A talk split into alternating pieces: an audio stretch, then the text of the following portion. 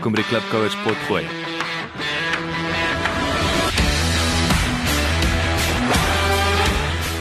Ons hele besigheid is gebaseer op verhoudings en dis ook die die hoofelement in die besigheid. Ek sal uh, ek sal ek sal baie goed oorsien, maar nie as daar afbreek kom met 'n verhouding nie. Dit dit's ononderhandelbaar.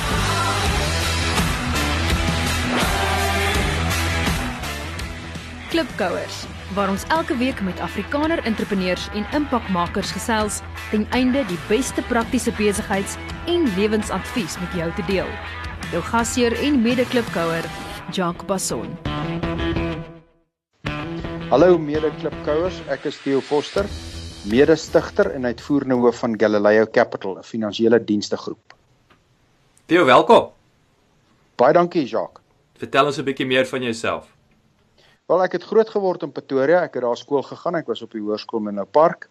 Ehm um, ek het so 20 jaar gelede Johannesburg toe getrek. Meeste van my lewe is in die finansiële dienste bedryf. Ek het 'n draai gemaak in Londen en in Zurich toe op die vloer van die JSE gewerk wat ek dink 'n uitstekende ervaring was. En toe in 2005 Galileo Capital begin saam met my vernoot wat nou nog my vernoot is, Warren Ingram. En ons het 'n finansiële dienste groep wat onder andere korttermynversekering doen. Ons doen 'n bietjie koöperatiewe finansiering, welvaartbestuur, fondsbestuur. So ons maar die finansiële dienste bedryf. Uh vir my sondes het ek nog steeds seisoenkaartjies op Loftus. Dit was 'n goeie belegging so klompie jare gelede, maar die laaste 5 jaar ehm um, gaan ek nogal gereed Ellis Park toe want ek dink die leeu speel briljante rugby. Maar uh, dis my agtergrond, dis waar ek vandaan kom.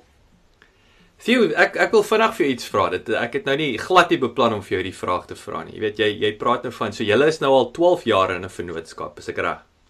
Ja, ons is ons het in 2005 begin en ja, ons is saam van daai tyd af. So wat is die geheim van om om 'n 12 jaar suksesvolle vennootskap? As jy as jy dit vir my in in in 5 sekondes, 10 sekondes, wat is die geheim van so so goeie vennootskap? Vertroue, vertroue. Ons was vir 7 jaar saam toe het ons vir die eerste keer 'n uh, uh, aandeelhouersooreenkoms opgestel net om ons omdat ons auditeure op 'n uh, memorandum of incorporation uh, aangedring het. Maar voor dit was dit 'n handskrif uh, en ek dink die die feit van van enige besigheidsooreenkoms is daai klein woordjie trust, vertroue. Die oomblik wat daar vertroue tussen die mense is, kan jy baie reg kry en jy kan baie goed doen. Ehm um, want beide van mekaar se sukses hang van die ander se sukses af. Maar ek dink baie keer hoe dikker die dokumentasie hoe minder is die vertroue en ek sou eerder sê dat jy doen met iemand besigheid op 'n goeie handdruk, op 'n verstandhouding van presies wat jy wil doen en dan en dan moet jy besigheid doen en soos die tyd aangaan begin julle mekaar ken, mekaar se uh swakpunte en sterkpunte aanvul, maar die vertrekpunt moet absolute vertroue tussen die partye wees en dis wat in ons geval werk van 2005 af. Sjoe, wat uh, wat uh ek wil sê wat 'n goeie testimony. Ja, En natuurlik die ander ding Jacques wat jy moet onthou is as 'n besigheid groter word, moet jy formaliseer. Hmm. Ons het in die groep nou meer as 80 mense wat beteken dit kan nie dieselfde wees as wat dit was daai eerste 2, 3 jaar wat jy 2 of 3 of 4 mense is nie. So jy moet dinge begin formaliseer, maar die, dit moenie afbreek doen aan die vertroue tussen tussen die senior mense en die vertroue in effek in ons geval tussen die eienaars en die stigters van die besigheid nie. Hmm. En en en jy is so 'n belangrike punt. Nee. Ek dink selfs ek onthou toe ek my eerste vennootskap uh wat jy jy moet natuurlik dit gaan nie altyd is as dinge sleg gaan in in 'n vennootskapie. Dit is as dit goed gaan. Wat doen ons as dit as ons môre die jackpot slat in ons ons besigheid en jy wil gaan aftree by die see en ek wil nie. Jy weet so daar's iemand gaan dood nê. Nee. So daar's baie ander kompleksiteite wat in 'n groter besigheid in ag geneem word en dit en dit gaan nie oor ek wantrou jou omdat ek nou 'n stuk papier het noodwendig nie. Nee, ek dink die papier is om elemente te formaliseer en ek dink dit is dis dis heeltemal reg dat dat veral onthou vertroue is nie net ek gaan jou vertrou om jou om om, om eerlik te wees nie. Dit gaan ek vertrou jy dat jy met my deel wat is jou plan 3, 4, 5 jaar, 10 jaar vorentoe uh, waar is jou aftreeplan vorentoe? Waarheen wil jy besigheid vat? Watter deel van die besigheid geniet jy en wat geniet jy nie? Hmm. En dan moet daai vertroue ook gaan tot op die vlak, maar goed, as jy dit en dit wil doen, dan moet jy jou salaris of jou vergoeding aanpas. Hmm. Ehm um, en as jy daai klas van vertroue het, dan kom jy nogal ver, maar wat ek wel vind is soos wat 'n besigheid groter word, moet sekere goed gestruktureer word. Ehm um, en dit sluit onder andere in jy moet die die, die as jy 'n paar mense is, is dit maklik dat almal presies weet hoe lyk die inkomste, hoe lyk die boeke, hoe lyk die die die die kontantvloei. As dit groter word is jy nie meer so na is almal nie so naby aan daai nie want mense het vers, het, het vers, spesifieke verantwoordelikhede. En dan is die kuns om te sorg dat jy steeds die dissipline hou van van goeie kontantvloei, goeie rapportering, ehm um, goeie bestuurstate, maar nou is dit 'n meer van 'n formele proses. Hmm. Maar om om te sê die oomblik wat 'n besigheid groter word, moet jy nou lang raadsvergaderings hê. Ek dink nie dis so nie. Uh spesifiek uh, my my kollega Warren is nie lief vir raadsvergaderings nie. Dit beteken nie hy's nie op hoogte van die besigheid want ek hou hom op hoogte, maar dit beteken nie ek moet hom nou opsluit vir 4 of 5 ure in 'n raadsvergadering elke tweede maand nie.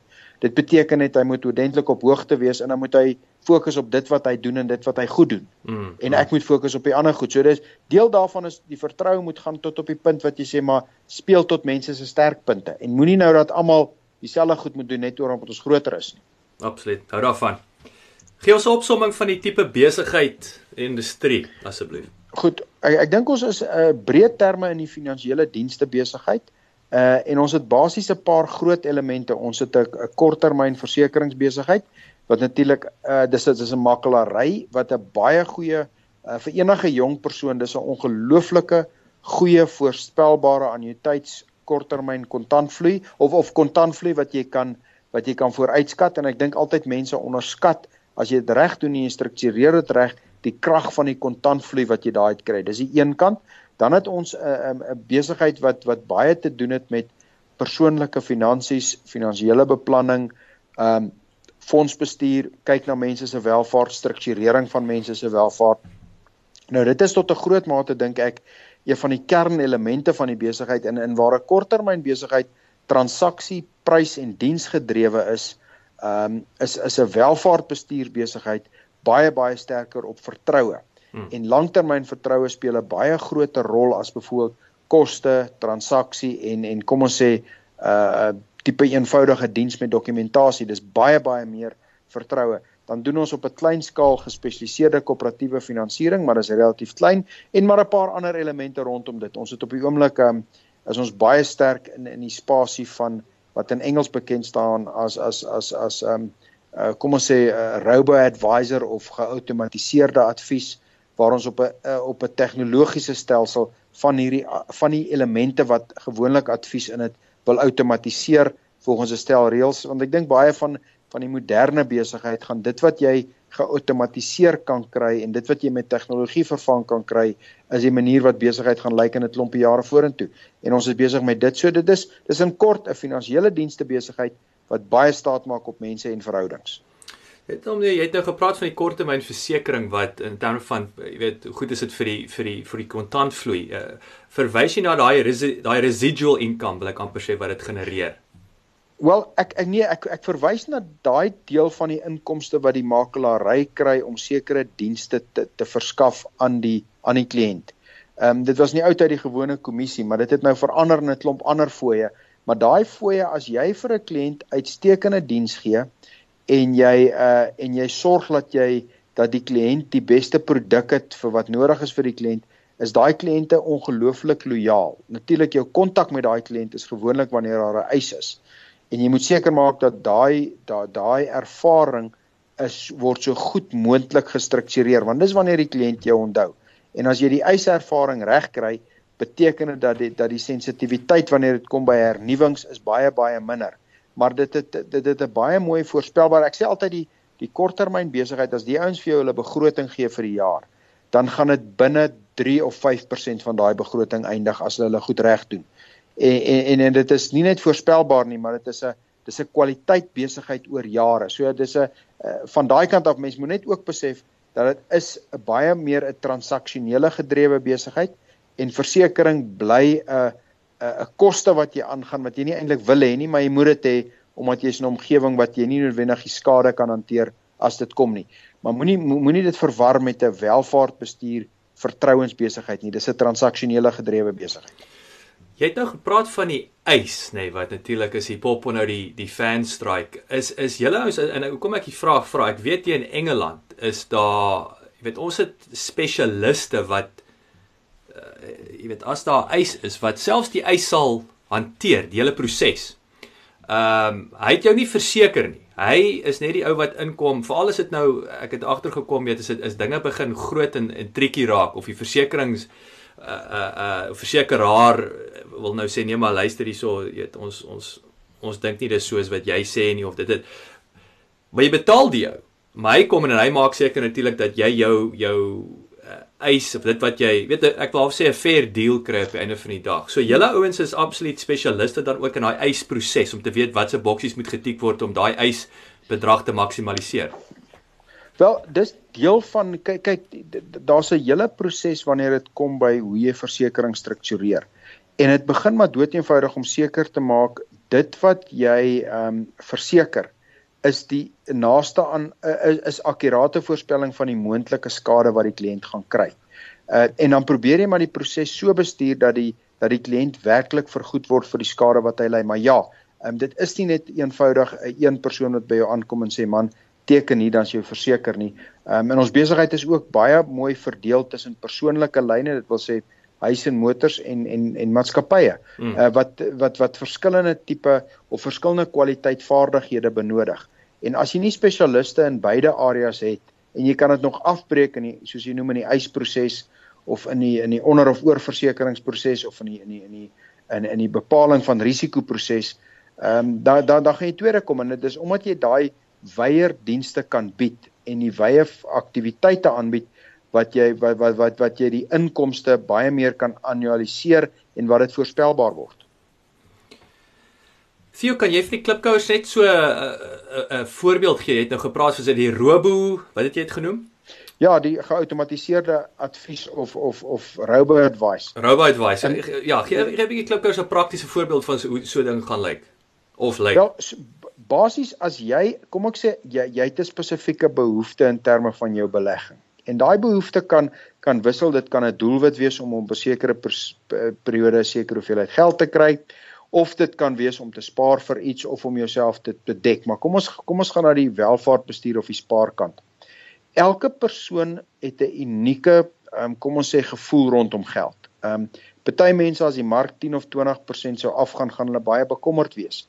Ehm um, ander mense is gemaklik om deur op en af van 'n mark uh, in in fondse te bly. Tweedens jy het 'n langer of 'n korter tydshorison, jy het 'n 5 jaar na 'n ander persoon het 'n 20 jaar horison.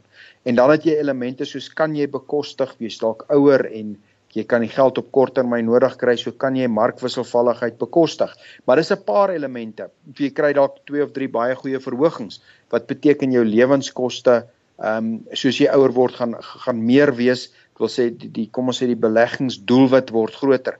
Nou geautomatiseerde advies is wanneer jy hierdie elemente op 'n stel reëls in in 'n matriks kan saamvat. Dit wil sê jy gebruik verskeie uh vrae wat elkeen 'n uh, 'n sekere gewig tel in 'n matriks wat jy op die einde dan vir 'n persoon sê, maar in jou geval gegeewe jou ouderdom, gegeewe jou jou jou kom ons sê jou gevoel teenoor risiko en markwisselvalligheid, gegeewe jou jou doelwit wat jy wil bereik, en gegeewe die kapitaal wat jy tot jou beskikking het, en gegeewe jou omstandighede in terme van strukturering van jou bates, behoort jou uiteindelike beleggingsportefeulje as volg te lyk.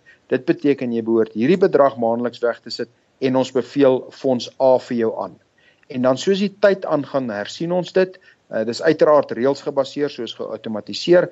Ons kan vir jou sê die mark het baie sterk gegroei wat beteken jou maandelikse bydrae kan effens verlaag of jy kan jou maandelikse bydrae verhoog om hierby uit te kom, maar dis om baie van daai prosesse um te probeer pas te maak op die individu en die individu dan die geleentheid gegee om die te gee om die besluit te maak op 'n volle ingeligte basis en dit dan te moniteer soos die tyd aangaan en, en baie van daai elemente kan, kan kan jy elektronies doen. En ek dink 'n groot deel van die toekoms gaan wees om dit elektronies te doen.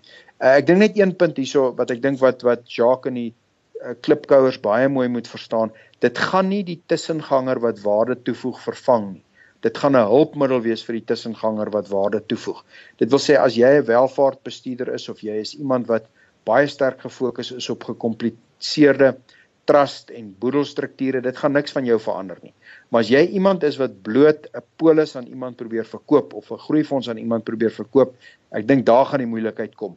Maar wat ons ervaring is, dis eintlik 'n baie goeie komplementêrende komplementêre produk ehm um, saam met uh, die die kom ons sê die gesig tot gesig advies en dis wat ons besig is om te sien. Ja, ek wil jy sê jy spyker op die kop hier, dis daai weer om terug te kom na daai verhouding gedrewe nê. Nee. Dit is dit gaan nie dit kan dit nooit vervang nie. Inteendeel dit maak soos jy sê dit komplementeer die verhouding wat reeds in plek is. Ja, dit komplementeer die verhouding en, en en jou risiko of nie jou risiko die geleentheid en die risiko lê by die verhouding. Hmm. As 'n verhouding met die kliënt nie baie sterk en gesond is nie, dan kan goed soos korttermyn markbewegings of 'n administratiewe fout uh of of slegte nuus hier en daar dit kan veroorsaak dat dat dat jy 'n kliënt verloor.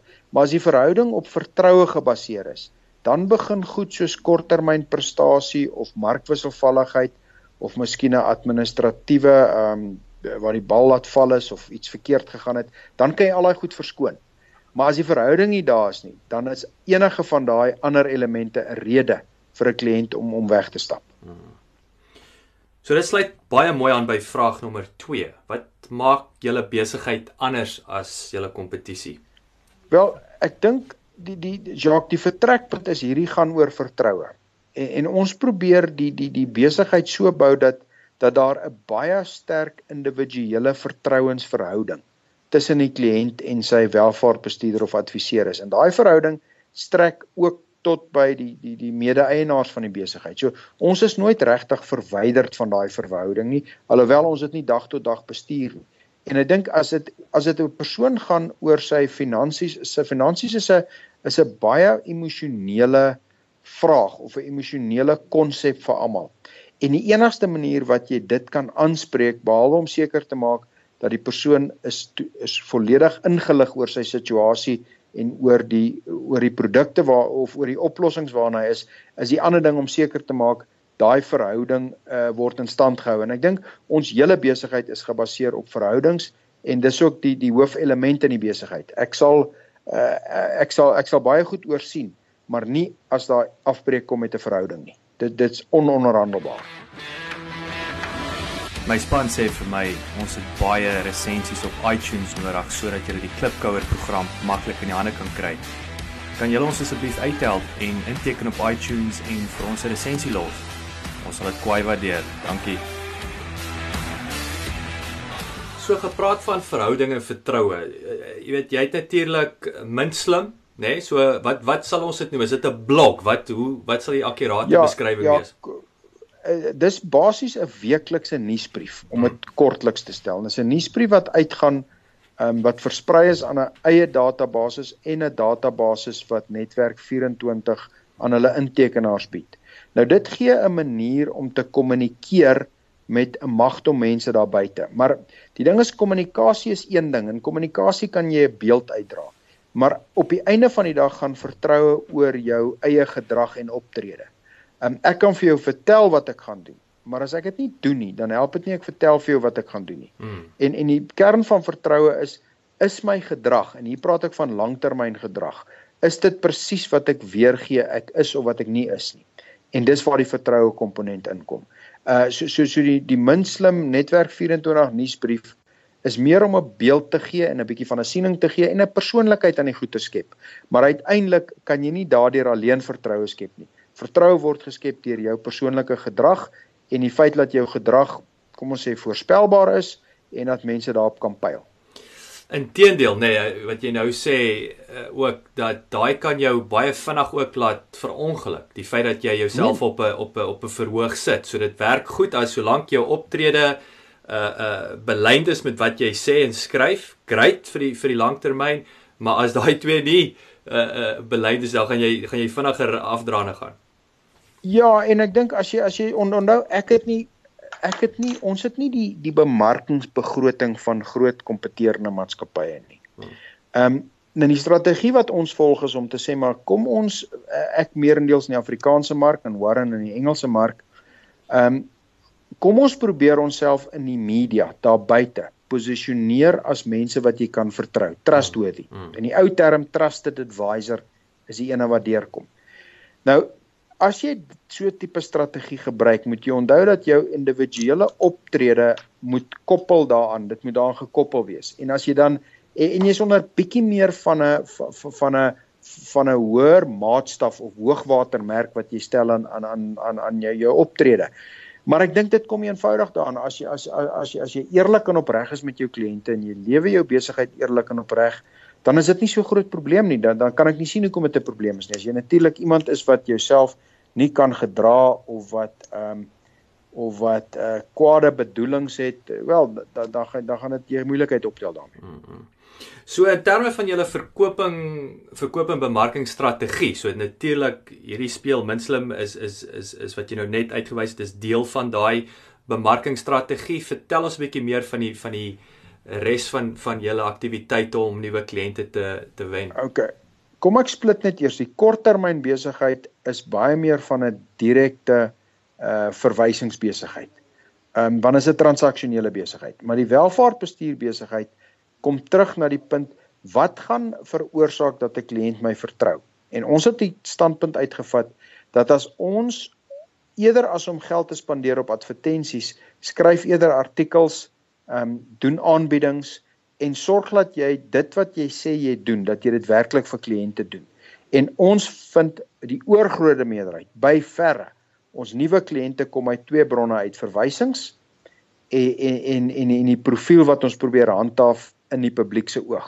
En dit is by verre ons grootste bronne van verwysings. Mhm. Ehm um, ons betaal nie lankal nie meer vir advertensiespasie nie. Uh, ons het gevind dit werk nie. Uh, betaal eerder daardeur deur jouself beskikbaar te maak, 'n artikel uit te sit of deel te neem aan 'n gesprek. En um, dit, dit dit tel baie meer maar dan moet jy net nie die bal laat val in daai gesprek nie. So aan die een kant, dis goedkoper in randwaarde, maar dis baie duurder as jy dit gaan verkeerd kry. Mm. Baie baie interessant. En dit en is 'n afweeg tussen tussen tussen tussen die risiko en die die risiko van om jouself um, uit te sit en iets verkeerd te doen, maar aan die ander kant as jy dit reg doen dan dan dan werk dit in ons geval baie goed. Mm -hmm. Wat is die belangrikste besigheidsles wat jy tot dusver geleer het? Ek dink daar's twee goed. Ehm um, die eerste een is geen nie om wat se besigheid of waar jy is nie. Ehm um, die belangegroepe in jou besigheid is jou kliënte en jou personeel. En en en ek sê nie um, baie mense sê altyd jy moet sê die kliënt kom eerste. Ek dink die kliënt en jou personeel is omtrent op dieselfde basis. As jou as jou personeel gelukkig is en jy kyk goed na jou personeel, gaan die kliënte diens uitstekend wees. Ehm um, so ek dink ek dink kyk na daai twee belangegroepe en dit is ek wil dit nie in 'n volgorde stel nie, maar dis jou kliënt en jou personeel. En want dis dis op die einde wat die besigheid gaan vorentoe vat. En dan dink ek 'n ding wat ons nog altyd hierso vra, jy moet die regte goed doen en dan moet jy die regte goed reg doen. En daarmee bedoel ek as dit nodig is, moet jy die kliënt of die personeel voor die besigheid opstel. Ehm um, en as dit moeilike besluite is, is die toets eenvoudig wat se regte ding om te doen. En ek dink ons het al baie keer van goed weggestap wat miskien baie goed sou gewerk het, maar ons het net nie gevoel is die regte ding om te doen nie. En ek dink as jy terugkyk, ehm um, 3, 4, 5 jaar na van hierdie besluite, dan besef jy maar op die einde was die regte besluit maar doen die regte ding en stap weg van 'n paar rand of iets wat jy nie verstaan nie. Maar so die twee goed is kyk na jou jou personeel en jou kliënte en tweedens doen die regte ding. Mense weet gewoonlik wat die regte ding is. Of stel dit draai dit eerder om jy weet presies wat die verkeerde ding is. en dis dis waaroor dit gaan, maar doen doen die regte ding. En dan eh, vir 'n jonger persoon as ek oor kon kies sou baie sou ek baie vroeër in my lewe my eie besigheid begin het. Hmm. En ek sou dit begin het waar jy waar die toegang gemaklik is en besighede wat annuïteitskontantvloei gee. Want ek dink in die begin is dit baie belangrik is waar kom jy annuïteitskontantvloei vandaan? Hmm. Want dit is maklik om groot transaksies na te jag, maar jong, 'n groot transaksie aanvaar dat jy diep sakke het. Hmm. En as jy nie diep sakke het nie, kyk maar eerder waar's die annuïteitskontantvloei en, en probeer dit in plek sit. Dis sulke sulke waardevolle advies te jou. Dit laat my weer daai laaste punt as ek as ek vinnig daarby kan aansluit net is daai uh, as ek self kyk na my my hele toe ek nou my besigheid begin het, daai wat ons nou praat mos van die exit strategy van jou van jou van koöperatief na eie besigheid en dit was dit was 'n fout wat ek gemaak het. Jy weet wat jy ek, ek dink daar's ouens wat ook sê moenie te gou jou day jou day job uh ophou nie want jy weet hmm. so solank jy jy moet die pot aan die kook kan hou terwyl jy nou hierdie ding soos jy sê as dit 'n groot transaksie is, wat wat gaan die pot aan die kook hou uh terwyl jy die groot transaksie jag en jy soek vir moeilikheid. Ja, ek sou sê probeer eerder kleiner kontantvloei kry en jag dit later. Net 'n ander punt op dit mense onderskat dit, maar ek sien baie keer as jy praat van ouens wat wat, wat uit die koöperatiewe omgewing hulle eie besigheid wil begin. Die een ding wat jy baie seker moet maak is as jy absoluut afhanklik is van die salaris kontantvloei elke maand, moet jy baie versigtig wees. Mm. Ehm um, en daar's baie mense wat wat, wat die droom het van 'n eie besigheid, maar hy besef nie dat dat hy hy hy hy hy kan nie sonder daai maandelikse kontantvloei het sy van 'n finansiële kant of net bloot van sy sy sy sy, sy, sy samestelling. Maar dis die een ding wat jy wegstap. Jy stap weg van daai 25ste cheque wat val. Hy is nie daar nie en hy's en en men dit dis 'n baie groot kopskuif aan die een kant wat mense nie altyd maak nie. Hulle dink dit klink dit klink exciting, dit klink great, ek moet my eie besigheid begin, pas op. En die tweede punt is as jy nie al salarisse uit jou kredietkaart of jou huislening moet betaal nie. Wees versigtig, dis deel van jou eie besigheid begin. Daar gaan tye wees wat jy salarisse betaal uit kredietkaarte en uit huislenings. Maak seker jy's gemaklik daarmee. As dit nie deel van jou samestelling is nie, dink twee keer daaraan. Een ding wat ons daarmee kan sê is vandag 1 af ons het nooit ooit enige salaris of enige krediteer nie betaal wanneer die party moes betaal word nie. Dit het ons altyd gedoen. Hmm. Maar dit het beteken dat ons baie keer nie inkomste gekry het nie. Dit het beteken dat ons kredietkaarte en huislenings baie keer op die verkeerde kant gesit het. Uh maar jy moet vrede maak daarmee dat daai ritme van 'n salarischeck is nie daar nie en nommer 2 jy gaan jy gaan goeders moet doen um, in jou eie persoonlike hoedanighede om die mense wat jou saam met die besigheid vorentoe gaan vat om nie dat hulle ook moet dra aan hierdie risiko nie. En baie keer mense wat hulle eie besighede begin, as jy hulle vra maar hoe gaan jy maak as daai salaris check nie kom nie en hier by die 3de maand, hoe gaan jou dinge lyk?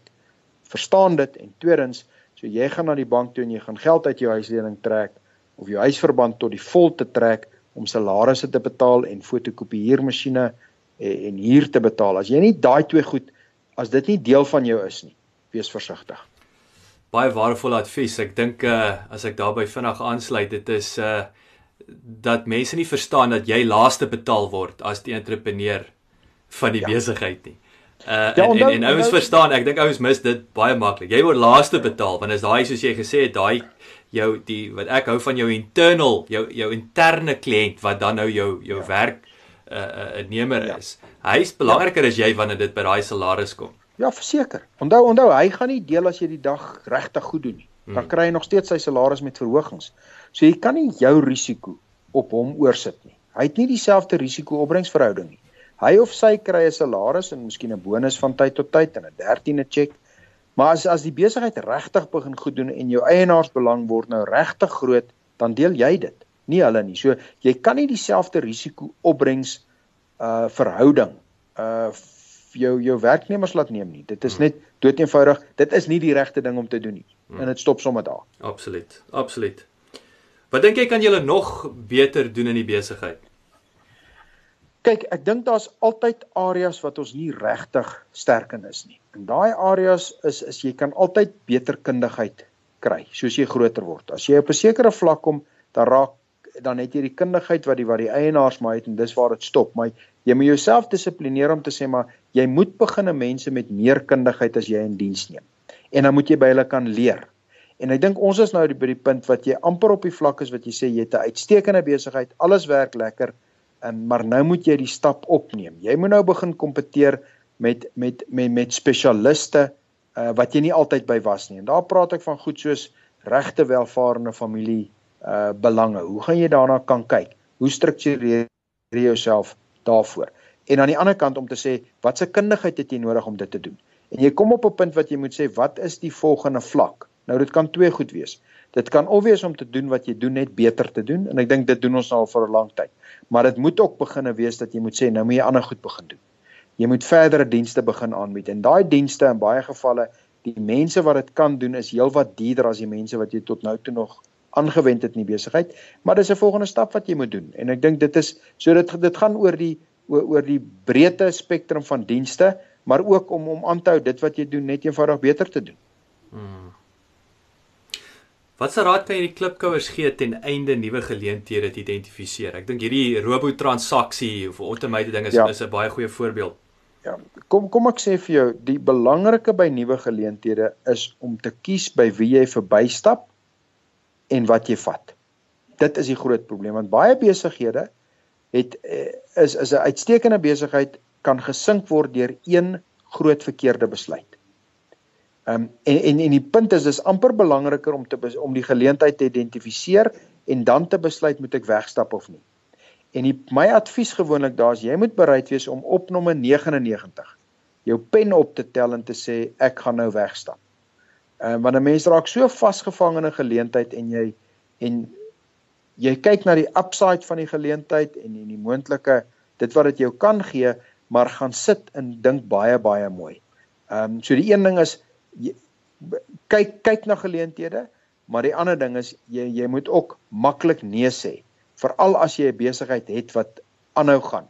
Ehm um, en ek dink dis baie keer elke geleentheid beteken nie moet hom vat nie. Daar's baie geleenthede wat iemand anders maar kan vat.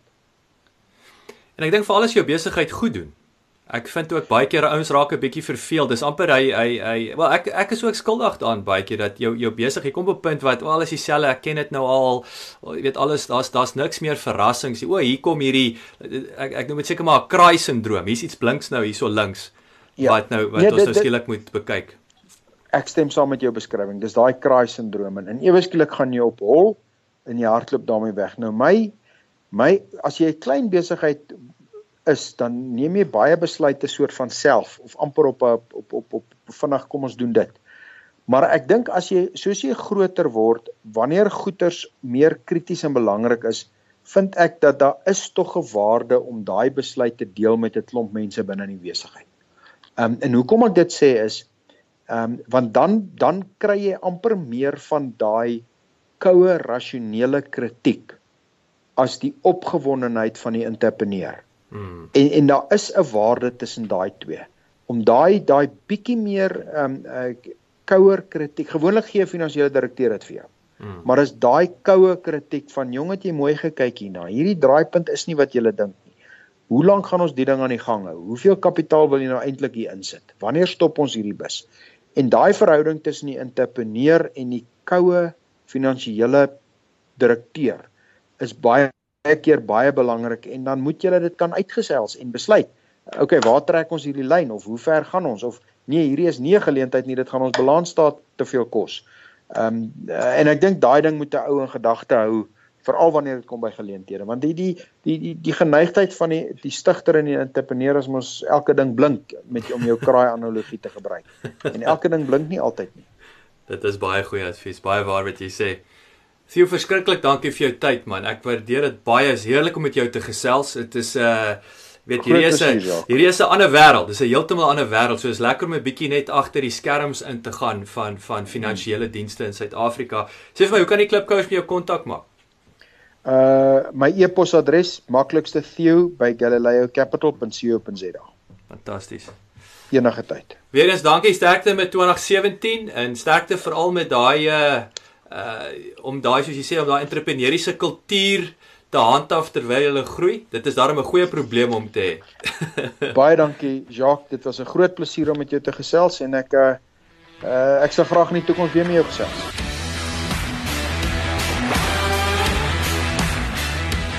Baie dankie dat jy geluister het. Vir 'n opsomming en notas van die episode, gaan asseblief na ons webwerf www.klipkouers.com en teken sommer in terwyl jy daar is, dan kan ons jou gereeld op hoogte hou. Baie dankie.